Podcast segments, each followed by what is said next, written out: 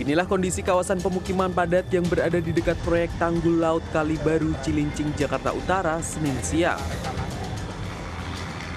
Terlihat hamparan sampah menumpuk di bantaran tanggul ini sehingga seperti lautan sampah mengepung kampung. Sampah-sampah ini didominasi sampah rumah tangga, plastik maupun styrofoam. Alhasil aktivitas warga khususnya akses jalan sedikit terganggu. Warga umumnya membuat jembatan seadanya dari kayu dan bambu untuk melintasi lautan sampah itu. Bahkan tampak pula sejumlah anak-anak terpaksa bermain di sekitar lautan sampah. Sedikitnya 7 RT dari 2 RW 4 dan 15 Kelurahan Kalibaru yang terdampak kondisi ini.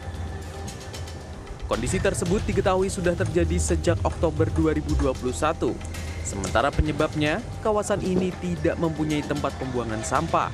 Tidak heran warga membuang sampah ke bantaran tanggul laut ini. Sebenarnya warga sudah melaporkan kondisi tersebut ke pihak pemerintah setempat. Bahkan pihak petugas PPSU dan lingkungan hidup Kelurahan Kalibaru sempat melakukan pembersihan sampah. Namun hanya dua hari dan tidak ada kelanjutannya lagi.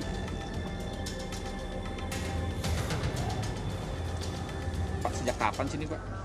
Semenjak ya itu tadi di bulan 10-an lah tahun 2021 ya.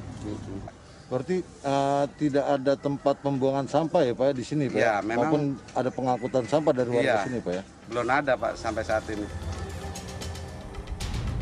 Diharapkan pemerintah setempat menyediakan tempat pembuangan sampah sementara di kawasan ini sehingga warga tidak membuang sampah sembarangan. Fakih Haitami, Jakarta.